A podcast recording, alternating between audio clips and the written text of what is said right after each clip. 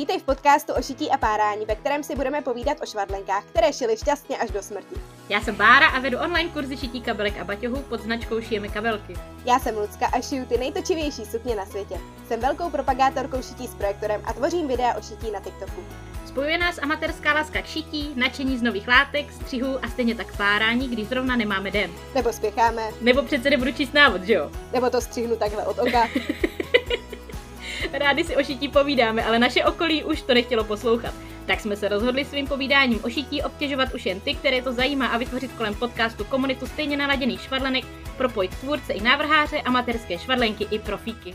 V dnešní epizodě děláme rozhovor s Týnou Wucel, která má značku Týna V. Týna dělá úplně úžasné věci pro děti. A kromě toho nežije v Čechách, ale v Rakousku, takže má přehled o tom, jak se šije v německy mluvících zemích. A my bychom si o tom s ní chtěli dnes popovídat. Takže Týno, jak vlastně začala tvoje cesta Týny V, no Týny dvojité V, kdyby si to naši posluchači hledali? Děkuji za pozvání. jak začala moje cesta? Ta začala před necelými třemi re, uh, roky, lety, kdy jsem vybírala dárek pro svého mladšího syna k prvním narozeninám a našla jsem na Facebooku um, handmade obleček, takový krásný kýčovitý se žirafou, který už bych teď v životě nekoupila, ani neušila hlavně. Kontaktovala jsem jeho tvořitelku, tam mi potom napsala zpátky cenu oblečku, a tak jsem se um, slušně poděkovala, otevřela jsem Google a začala googlit, kolik vlastně stojí taková látka, protože jsem prostě nechápala, proč je to tak strašně drahý. A našla jsem dokonce úplně tu stejnou látku, ze který byl ušit ten obleček. Takže jsem ji koupila, půjčila jsem si od tchýně šicí stroj a stáhla nějaké střihy zdarma, protože to jsem tak nějak za pochodu při googlení látek pochopila, že se dá takový střih stáhnout, vytisknout ve formátu A4 a slepit a mm, řekla jsem si, že třeba to nebude tak hezky ušitý, ale bude to od srdce a hlavně to bude uh, desetkrát levnější než ten původní uh, obleček. A to byla teda dokonce mikča se zipem. A tak jsem to zkusila a ono to nějak klaplo. Ty jsi na poprvé šla mikino se zipem? Ne, ne, ne, na podruhé až. Prvně jsem ušila bagy tepláč, nebo to ani nebyly bagy, to byly klasické tepláčky s předním zadním švem. Pamatuju si doteď, ten, ještě k tomu teda ten šicí stroj od tchýně byl nějaký rozbitý, on šel jenom po spátku. Takže jsem znovu otevřela Google a začala googlit, co stojí takový šicí stroj. Tenkrát jsem si koupila asi za 80 euro um, rovnostech AEG, Mělo to elastický stech, takže to už bylo asi tak všechno, co jsem věděla, že potřebuju. Ten za dva nebo za tři dny tenkrát došel a právě 1.12.2000, teď abych neřekla kravinu, musím počítat 19, došel, já ho vybalila, ušla jsem teda první tepláčky. Šla jsem asi 4,5 hodiny a večer, když všichni usli, a někde o půlnoci nebo po půlnoci jsem vlíkla do ložnice zbudila manžela, celá nadšená jsem mu ukazovala, že jsem to dokázala, že to snad bude i nosit a málem jsem teda zbudila i to dítě, abych mu to hned zkusila, ale to jsem si odpustila nakonec. v podstatě u těch prvních tepláčků už se ve mně probudil nějak, nevím, nějaká taková vášeň, nebo já nevím, jak to mám popsat. Prostě mě to okamžitě chytlo a pak už to šlo docela rychle. Počkej, takže ty mi chceš říct, že jsi začala před třemi lety a jako se vypracovala tam, kde seš ty, protože já jsem taky začínala před třemi lety, ale když jsem jako koukala na to šití, tak já jsem se inspirovala tebou. A ty jsi byla taky jako úplný začátečník. To je fakt jako hustý. Já bych v životě neušila teď to, co ušiješ ty zase. Já jsem absolutně z těch tvých šatů a kolovek a to je pro mě zase velká neznámá španělská vesnice a vůbec se na to netroufám, takže si myslím, že jsme ho, každá se vydala tou svojí cestu, která úplně přesně nám sedla jako, jak to říct slušně, jako poklička na hrneček. No ale ty prostě máš jako fakt cit, ty máš jako úžasný cit na barevný kombinace. Jako já vždycky koukám na ty děti v těch jako úžasných věcech a to k sobě tak úžasně ladí. To je fakt jako skvělý. Děkuji. Mě vždycky říkali, když jsem byla malá, a uč se, prosím tě, uč se, protože rukama ty se neuživíš.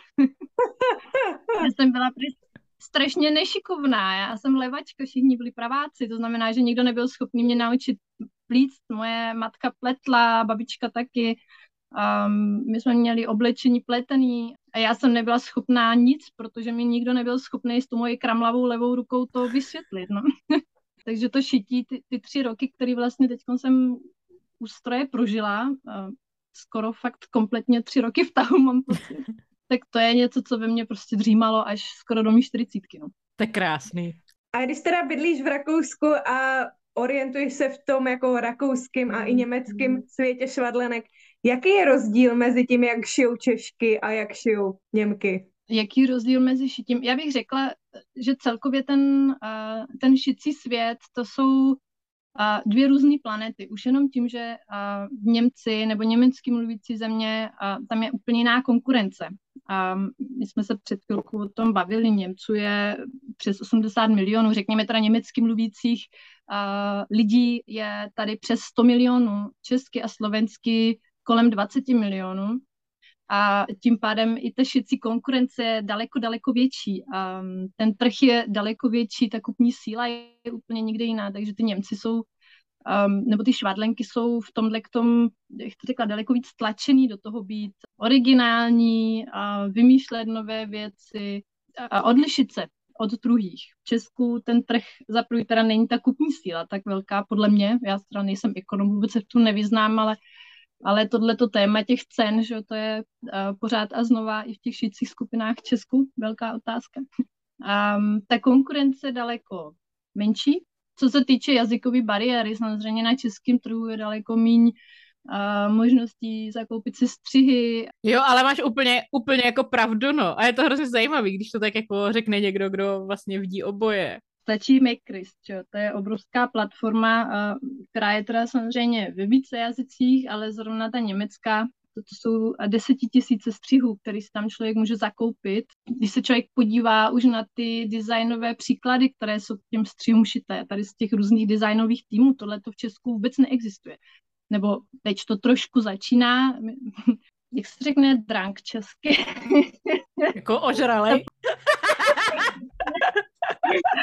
ta potřeba se odlišit a vyzvednout je, je těch švadlenek, uh, u těch švadlenek prostě tak až nebyla. To začalo v posledních dvou, třech letech vlastně, když teda přišel někdo, kdo ukázal, že se to jinde dělá jinak um, a skrz to, že já teda tu jazykovou bariéru nemám tak vysoko postavenou, mm-hmm.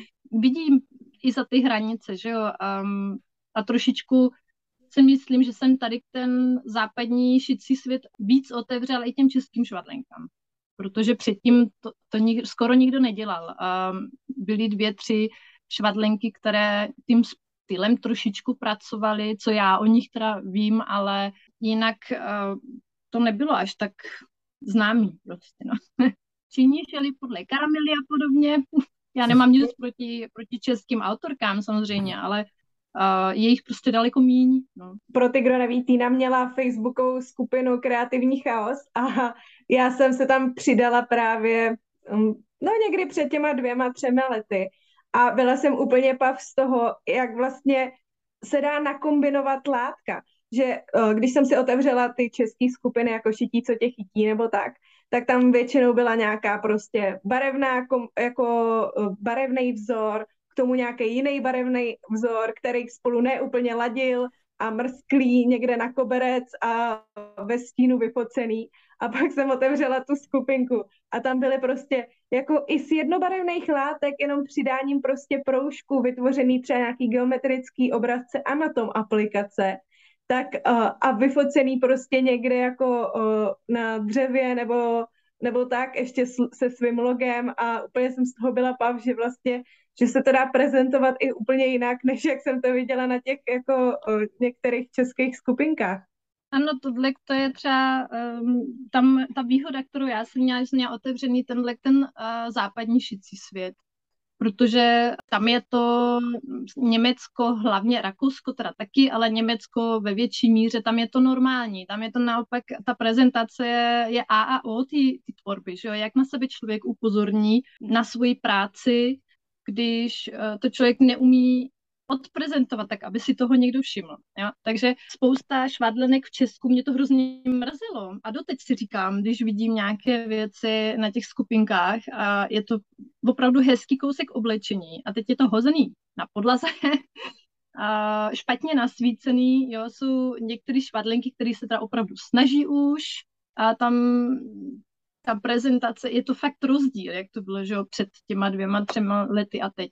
Ale fakt je, že, že to je ještě pořád v plenkách v Česku. ne, ale máš jakoby pravdu v tom, že prostě vždycky potřebuješ někdy vidět, jakoby něk, někdo tě musí hnát dopředu, že jo, potřebuješ mít tu inspiraci, vidět, že to někdo dělá líp a pak to taky děláš líp. Ale jak se v tom plácají všichni, tak se v tom plácají všichni a je to jako v pohodě. Ale jak právě přicházíte vy, že pár už vás tady je, který jakoby tu tvorbu máte úplně jinde, najednou jste přišli s úplně jinýma věcma, tak najednou se jako lidi, je, ty to chci taky a taky to budu líp fotit a taky budu dělat, že jako inspiruješ ostatní a, a ono to začne fungovat. Ono se to se rozšíří, že jo, jak, se, jak pár se, z pár se udělá víc a víc a víc, tak se to nabalí a a tohle, tohle je ten začátek toho, kdy si, já si myslím, že i ta česká tvorba teď uh, v podstatě začíná si jít svojí vlastní cestou. Jo? Že už to není tak, uh, že doháníme západ, ale, ale protože české šití je jiné. Prostě ten styl je jiný. Samozřejmě ty střihy a ten styl z Německa se, se čím dál víc um, jakby objevují nebo projevují i na ty české tvorbě, to každopádně. Ale fakt je, že ty švadlenky v Česku začínají nad tím přemýšlet, nad tím, co dělají a jak to dělají a snaží se si najít svůj styl, svůj rukopis, a myslím si, že teď to začne být teprve opravdu zajímavý, že teď, teď teprve začne takový ten uh, drank. Co to teda znamená? drank je taková ta potřeba um, být jiná. Ne se ne snažit někoho napodobit, ale naopak se odlišit. Protože doteďkom, doteďka je to v Česku ještě pořád tak, že se ty švadlenky snaží vždycky to udělat jakoby tak, jak to má ona, protože ona to má hezký, tak to udělám taky tak, jo. Ono to je tím, že, že jak jsi říkala, že tady není tolik těch tvůrců, takže že jo, máš jakoby na výběr ze čtyř, ze čtyř střihů, když začínáš, který jsou česky, protože německy neumíš, že jo. Máš na výběr ze čtyř střihů, ty látky, které jsou, jsou taky všude stejný, takže jedeš prostě to, co vidíš, tak kopíruješ, nebo jakoby neinspiruješ se tak, jako že bys se chtěla odlišit, ale prostě jedeš to stejný, co do ostatní, no. No jako to je pravda, já jsem tady teď ve Francii jako je to ta, docela malý jako město, takový studentský. Já jsem tady objevila pět galanterek a Jo, já už jsem ve všech byla. no a uh, objevila jsem tady jako úplně úžasný panely, něco takového jsem prostě u nás jako maximálně na těch jako online obchodech, ale když jdeš prostě v nějakém malém městě do galanterky, tak tam za prvý ty prodavačky výkulový, za druhý tam jako látky mají maximálně prostě plátno na chňapky a jako tím končej a musíš jako, jako do Prahy, do Brna a maximálně ještě jako někde něco, ale fakt jako tady ten výběr je jako úplně jiný. Mně totiž taky přijde, že v Česku ty galanterie drží jakoby starší ročníky, že jak to šití tady jakoby mělo za komunistů tradici, že jo, všichni šili, nebylo nic jiného, tak se to tak nějak jakoby drží v tom stejným. Ale nevím, jestli třeba na tom západě nejsou jako mladší, že jo, ty trendy jsou prostě... Galanterie, jako kamenný galanterie, tak třeba tady u nás, já bydlím opravdu na konci světa, nám tady lišky doslova dávají dobrou noc a hned vedle baráku, ale v těch městech, co jsou poblíž, jako třeba Perk Amstetten, to jsou nevím, 20 tisícový města a tam je třeba po jedné galantery a tam je taky úplně kulový, jo. A já jsem třeba teď potřebovala nutně hnědý zip na jeden overall a mm, v extra dílce pro jednu klientku, která měla speciální, nebo její dceruška má speciální potřeby, tak jsem mm, podle toho dělala ten overall a, mm-hmm. a ten zip plastový, obyčejný zip jo, který člověk uh, na polském e-shopu koupí za euro, nebo za euro 50, abych nežrala, tak jsem tady koupila za 10 euro, jeden zip v kalanterii, jo. Kdyby to byl nějaký IKK, neřeknu plus slova, ale to úplně obyčejný, plastový, hnědý zip. Fakt je, že tady uh, v okolí uh, je nabídka úplně 0,0 prd a člověk se podstatě musí spolíhat na ty online obchody. A to je ale i v Česku podle mě tak. Ta mladší, mladší, mladší generace sedí u telefonu, sedí u internetu. Teď ještě korona nám to všem jakože dost zkomplikovala, protože žádné kalendáře nebyly otevřené. No a... U nás jo? U nás jediný, co bylo otevřený, byly galantérky, protože se šily roušky. tak tady ne, no. Potom zakázali látkové roušky, nařídili respirátory a zavřeli galantérky. No. Tak to bylo na nic.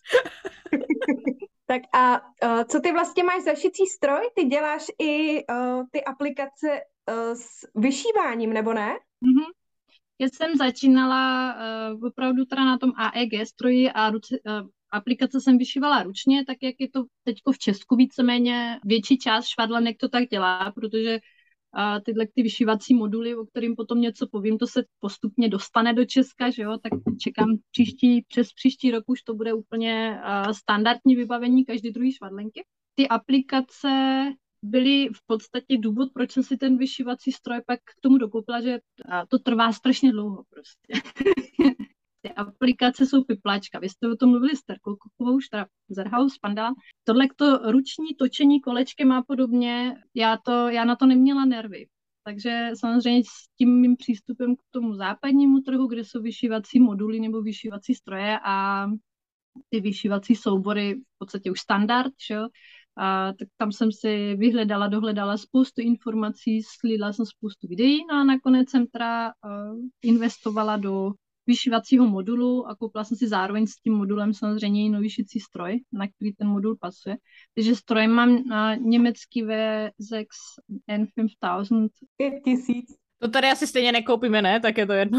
Ne, a tyhle, ty, tyhle ty stroje se dají koupit online, že zrovna VZX Wertarbeit, tak oni víceméně prodávají um, z větší části uh, online dají se koupit po celé Evropě, tím pádem ty stroje, celkový servis a všechno probíhá taky tím, že se to zašle teda, um, ale bez problému. Já teda musím říct, že um, co se týče kvality, jsem s tím strojem absolutně spokojená.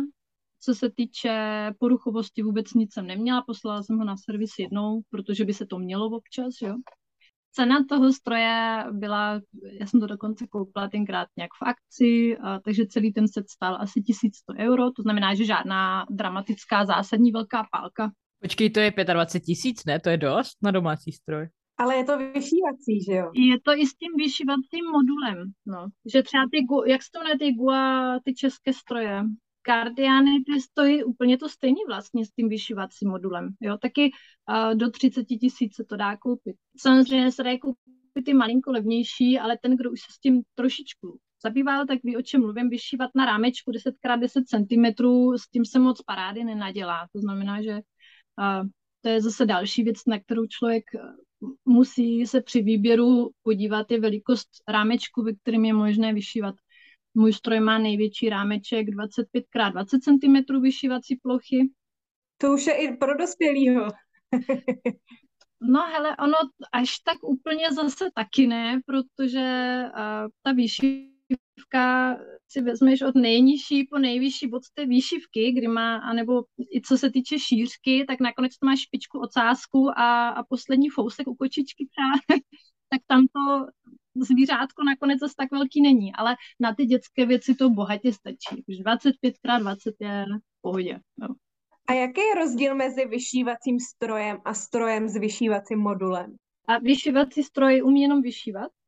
Um, samozřejmě já se v tom až tak nevyznám. Jo? Já řeknu to teď tak absolutně laicky, co jsem já vysledovala a, během té mojí kar- kariéry vyšívací. Um, samozřejmě jsou jednojehlový vyšívací stroje, to je to, co si člověk sám právě takhle může doma postavit uh, na stůl. Ten stroj vyšívá v podstatě všechno, ale trvá mu to, člověk musí měnit ty barvy a pak jsou vícejehlové, to jsou pak uh, stroje, které používají už uh, firmy nebo, nebo švadlinky, které jsou vyloženě na kšef nebo vyšívají. Ty mají opravdu nevím přesně, jo, ale já třeba myslím, 10, 12 jehlový, možná třeba je, jsou i daleko víc jehel a podobně, ale to už jsou zase uh, úplně jiné sumy a částky, hlavně prostor, co takový stroj zabere. Takže vyšívací stroj domácí takhle um, umí prostě jenom vyšívat. Dá se koupit teda ta jednojehla klasická. No a vyšívací modul, eh, stroj s vyšívacím modulem je, já tady furt na něj nahoru koukám, protože ten se, ten se na ten šicí stroj, který má speciální zástrčku, prostě nastrčí. V podstatě ten stroj umí jak šít, normálně klasický rovnostech, tak se dá právě využít tato funkce vyšívání na tom vyšívacím modulu. Ten vyšívací modul je samostatná jednotka. A je to jako funkční? Je to dost, jakoby, chápeš, je to funkční, nebo je to taková ta věc navíc, kdy musíš přeštelovat celý stroj a vlastně to pak ve finále nepoužíváš? Chápu, jak to myslíš. A přestavění toho stroje, mýho, z e, šicího na vyšívací, trvá asi dvě minuty. To super. Víceméně jde o to uh, vytáhnout zástrčku patky, nastrčit, uh, sundat teda šuplík, nastrčit ten vyšívací modul, zastrčit zástrčku vyšívacího modulu do stroje, vyměnit patku, přešroubovat a vyměnit si jehlu. A je hotovo. Takže opravdu s trochou cviku to jde i rychleji, jak za dvě minuty. Jo, tak to super. A jak to teda funguje od začátku? Já teda si najdu nějaký ty aplikace většinou na německém webu, stáhnu si to a tam teda bude uh, jako obrázek, podle kterého já si vystříhám tu látku s tou pavučinkou. Ne, tohle to funguje trošičku jinak právě. A já ať a absolutně obdivuju všechny, kdo vystříhávají malé dílky a občas to taky dělám. Když jsem třeba dělala nějakou aplikaci od Teresky, tak jsem taky vystříhávala malé dílky, ale mě to ubíjí. a, takže ten vyšívací modul um, funguje tak, že člověk si zakoupí teda tu, tu, ten vyšívací soubor. A každá značka stroje má svůj vlastní formát. Můj má DST například a ten vyšívací soubor obsahuje většinou všechny tyhle ty fo- běžné formáty, takže si potom já osobně ve vyšívacím programu a, napasuju tenhle, ten obrázek na velikost rámečku nebo otočím. To je všechno. Já jsem antitalent technický, ale diplomaticky vyjádřeno, ale tohle to zvládám. Tohle to jsou věci, které nám zaberou dvě, tři minutky. Jo. Takže v podstatě přes ten USB stick, jak se řekne to čes... Jako flešku, ty si to stáneš na flešku. Přesně, já to dostanu na flešku, klasickou. Strčíš to do toho pod stroje? Pak strčím do toho vyšívacího modulu tu flešku, na který ten soubor mám a on už si to samozřejmě potom uh, zbytek vyřeší sám. A jak teda funguje to samotné vyšívání? Uh, natáhnu si do vyšívacího rámečku vyšívací flís, to je taková samolepící sranda, z jedné strany to lepí. Fleece, jsi říkala. Že to, jsou, to je speciální výstuha na vyšívání, která je um, za prvý rozpustná ve vodě mm-hmm. a za druhý z jedné strany lepí. To znamená, že já si napnu do toho rámečku a na tu lepící stranu si připevním vlastně uh, ten díl, na který chci vyšívat, aby se mi to nehlo. To tričko, jo třeba to tričko. Právě pružné materiály se bez tohohle fakt vyšívat kvalitně nedají. Jo? Takže pro naše potřeby náš švatlenek, což je na malé děti, převážně na elastické materiály, tak je tohle to nutnost, aby to vypadalo, ta výšivka. A ten stroj potom, nebo ten vyšívací modul potom předšívá v podstatě různé sekvence, to znamená, začínáme například u nějakého medvídka, nám to vyšší obrys, aby jsme věděli, kam potom máme položit tu látku, ze který ten medvídek v podstatě nakonec vznikne. Že to je to, co dělá terka, ale to by to dělá sám ten stroj. Přesně tak. Ty, ty nejedeš tím kolečkem, ale... Ne, on si ten stroj vyšije obrys, tady například bylo tělíčko, hlavička byly jakoby první sekvence, abych věděla, kam si plácnu ten šedý úplet, který mám vystužený pavučinkou o kterém mluvila Terka, to je, to, to je stejné, ale já si ho nevystříhnu předtím, ale vezmu si prostě fláknu potom na to kus toho, té látky a ten stroj v druhé sekvenci ji přišije. Zase opět v těch místech, které předtím předvyšil. No a já potom vezmu vyšívací nůžky a odstříhnu to, přesně tak. Ah. Takhle se to vlastně vrství postupně, až vznikne teda ten kompletní obrázek. Tak to, je, to vypadá jako brnkačka, akorát teda člověk musí mít ten drahý stroj. um, myslím si, že pro švadlenky, který uh, tohle to například chtějí dělat na kšeft, jako to už teďko dělám já, tak to je investice, která se vyplatí, protože to šetří čas a hlavně ty možnosti a ta přesnost je to zase trošku někde jinde. Ono všechno jde udělat rukou taky přesně, ale daleko díl to trvá. No. Takže já když šiju jenom pro své dítě a udělám mu sem tam aplikaci na nějakou mikinku nebo tak, nebo jednou za rok šiju kabátek vlněný, tak na to ručně našiju aplikaci, že? ale když to člověk už dělá ve větším množství, tak se to ručně fakt nedá. To je nezaplatitelný potom, ten čas, jo. A navrhuješ i ty aplikace?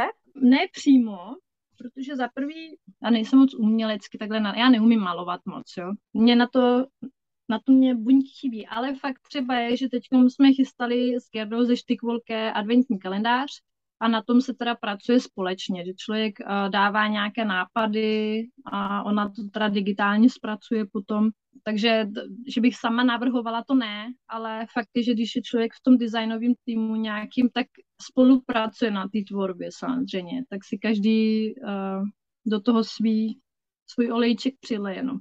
Ty volké jsou ty aplikace, o kterých jsme mluvili vlastně to, v tom díle s Terkou z Pandalandai, kdy jsme se právě zmiňovali o německých aplikacích, jak jsou krásný a rostomiloučký. Oni mají všechno krásný a rostomiloučký, hele, už aby to bylo tady. ono, ono je, že už se už to jakože dostává zrovna u těch aplikací, tak samozřejmě absolutní, absolutní doménou v Česku je prostě Terka. Jo? Tam a, neexistuje, v Česku neexistuje nikdo, nebo na Slovensku. Vím, že tam nějaké pokusy byly, ale prostě to... Terka na to dělá to letko strašně vysoko totiž. Jo, a skvělá, jako je dobrá, je kdo, kdo jako jí může konkurovat, že jo. Všechno, všechno ostatní, co třeba byly nějaké pokusy, tak to bylo hrozně podobné právě těm německým zase, že jo, že ještě furt se nenašel jakoby nikdo, kromě Terky, kdo by měl svůj vlastní styl. A já si zase myslím, že přesně proto třeba ty autorky až tak neuspěly, protože to bylo něco, co už jakože přece existuje, že? To, to už někdo dělá něco takového, tak, tak ty lidi samozřejmě už se tak na to nechytli, ale když někdo začne s něčím úplně, úplně novým, úplně jiným, tak to je úplně o něčem jiným. No. A já teda poslední otázka. Prosím. Velký téma u nás. Vařená vlna. Jak se to udržuje na těch bahňákách? Vařená vlna. Um, realita mě zajímá. Realita. Já mám sama dítě, uh, normální dítě, to znamená takový to dítě, který se rádo občas vyválí v nějakém bahínku. Mám koně, um, to znamená, že koně voní, jo. to mi stačí, jo. Od koní voní i oblečení, jo. Um, kolem koní je samozřejmě spousta bláta a nepořádků a bydlíme celkově na statku, opravdu na samotě u lesa, takže jsme hodně venku. Například ten šedý overall, který jsem eh, šila mému synkovi minulý rok, jsem za celou sezonu vyprala dvakrát. Jednou, protože se do něj počural a jednou na konci sezóny, v podstatě než jsem ho potom předala švagrový a fakt to z toho opadá. Um, já jsem se potom bavila i před pár dny s chovatelkou alpak, protože um, zrovna právě téma vlna, ať už je to alpaka nebo ovčí vlna, vlna je vlna, je v tom lanolin, jo. Lidi většinou odradí cena, protože mm. já si pamatuju, když jsem ušila svůj první overall a dávala jsem ho v Česku na skupinky a lidi se ptali, co je to za materiál a to je hezký a kde si, co si a co to stojí. 20% švadlenek, maminek odepsalo, tak to pro to moje prase, jako to fakt ne, to se nevyplatí. to jsem asi já psala. za takový peníze, to prostě pro to moje čuně, jo, ale fakt je, že vlna má bezkonkurenční termoregulační vlastnosti, má samočistící vlastnosti, antibakteriální, nedrží se v tom zápach. Můj syn měl ten jeden overall v zimě a měl jednu zimní bundu. Úplně v pohodě jsme s tím vyšli. Nepotřeboval uh, několik různých uh, druhů v oblečení, protože to jedno, když je v pračce a podobně, že ta vlna sice je dražší, ale ten tepelný komfort, který v tom ty děti mají, ty vlastnosti, to, to se prostě za tu cenu vyplatí. Západní země nebo tady maminky uh, v Německu, v Rakousku, ve Švýcarsku, uh, v tom děti oblíkají, nebo v tom děti tady chodí úplně běžně. Jo, tady každé děcko u koní se bahní uh, v overalu z vlny. A, ano, že fakt málo kdy tady vidím něco jiného. Hlavně teda takhle na ves, nebo na vesnici.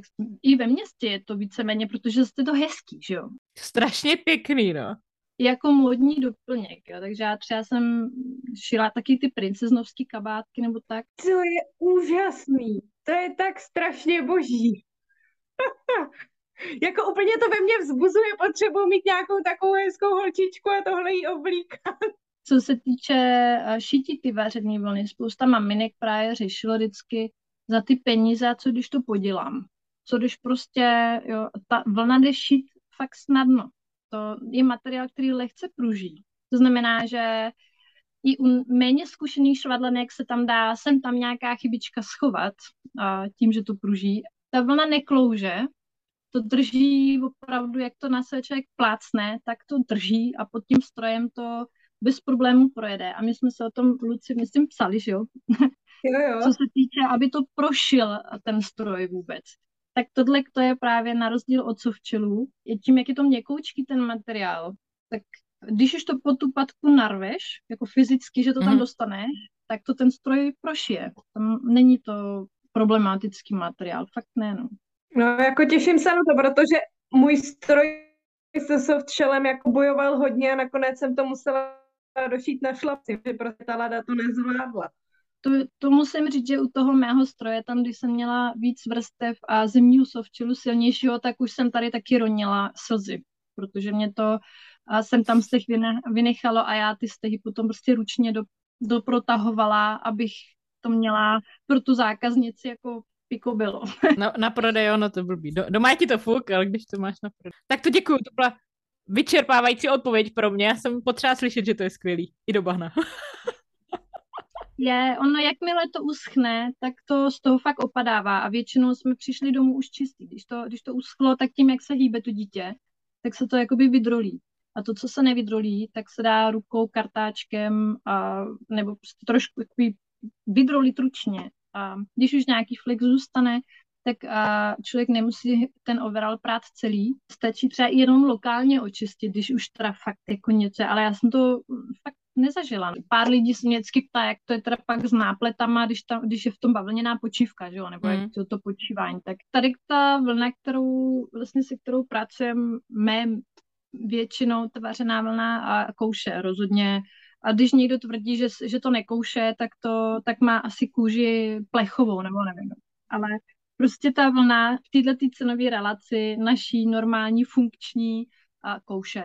A když to člověk teda uh, obléká na jako poslední vrstvu, když člověk vrství, tak se to určitě dá teda i nepodšité, ale mě osobně by třeba kousal i, i u rukávu nebo u krku. Já bych to nesnesla nepočité. A tím pádem, že já bych to nesnesla, tak to i těm dětem nemůžu, prostě ani tomu dítěti to nedám, že když, když to já jako dospělá bych to nedala. Takže počívám a, nebo počívá se vlna běžně, aspoň tady na západě, že v Česku eh, jedna švadlenka zastává ten názor, že to není potřeba počít ani dětem, a, a takže to už je potom fakt individuální, a, ale počívá se běžně a to například mušelínem se to dá počít, a dá se to podšít úpletem nebo teplákovinou a já teda dělám, um, já to ještě podšívám um, merino fleecem, který je teda fakt drahý, ale to je jemňoučký, to se dá nosit na holé kůži, že jo.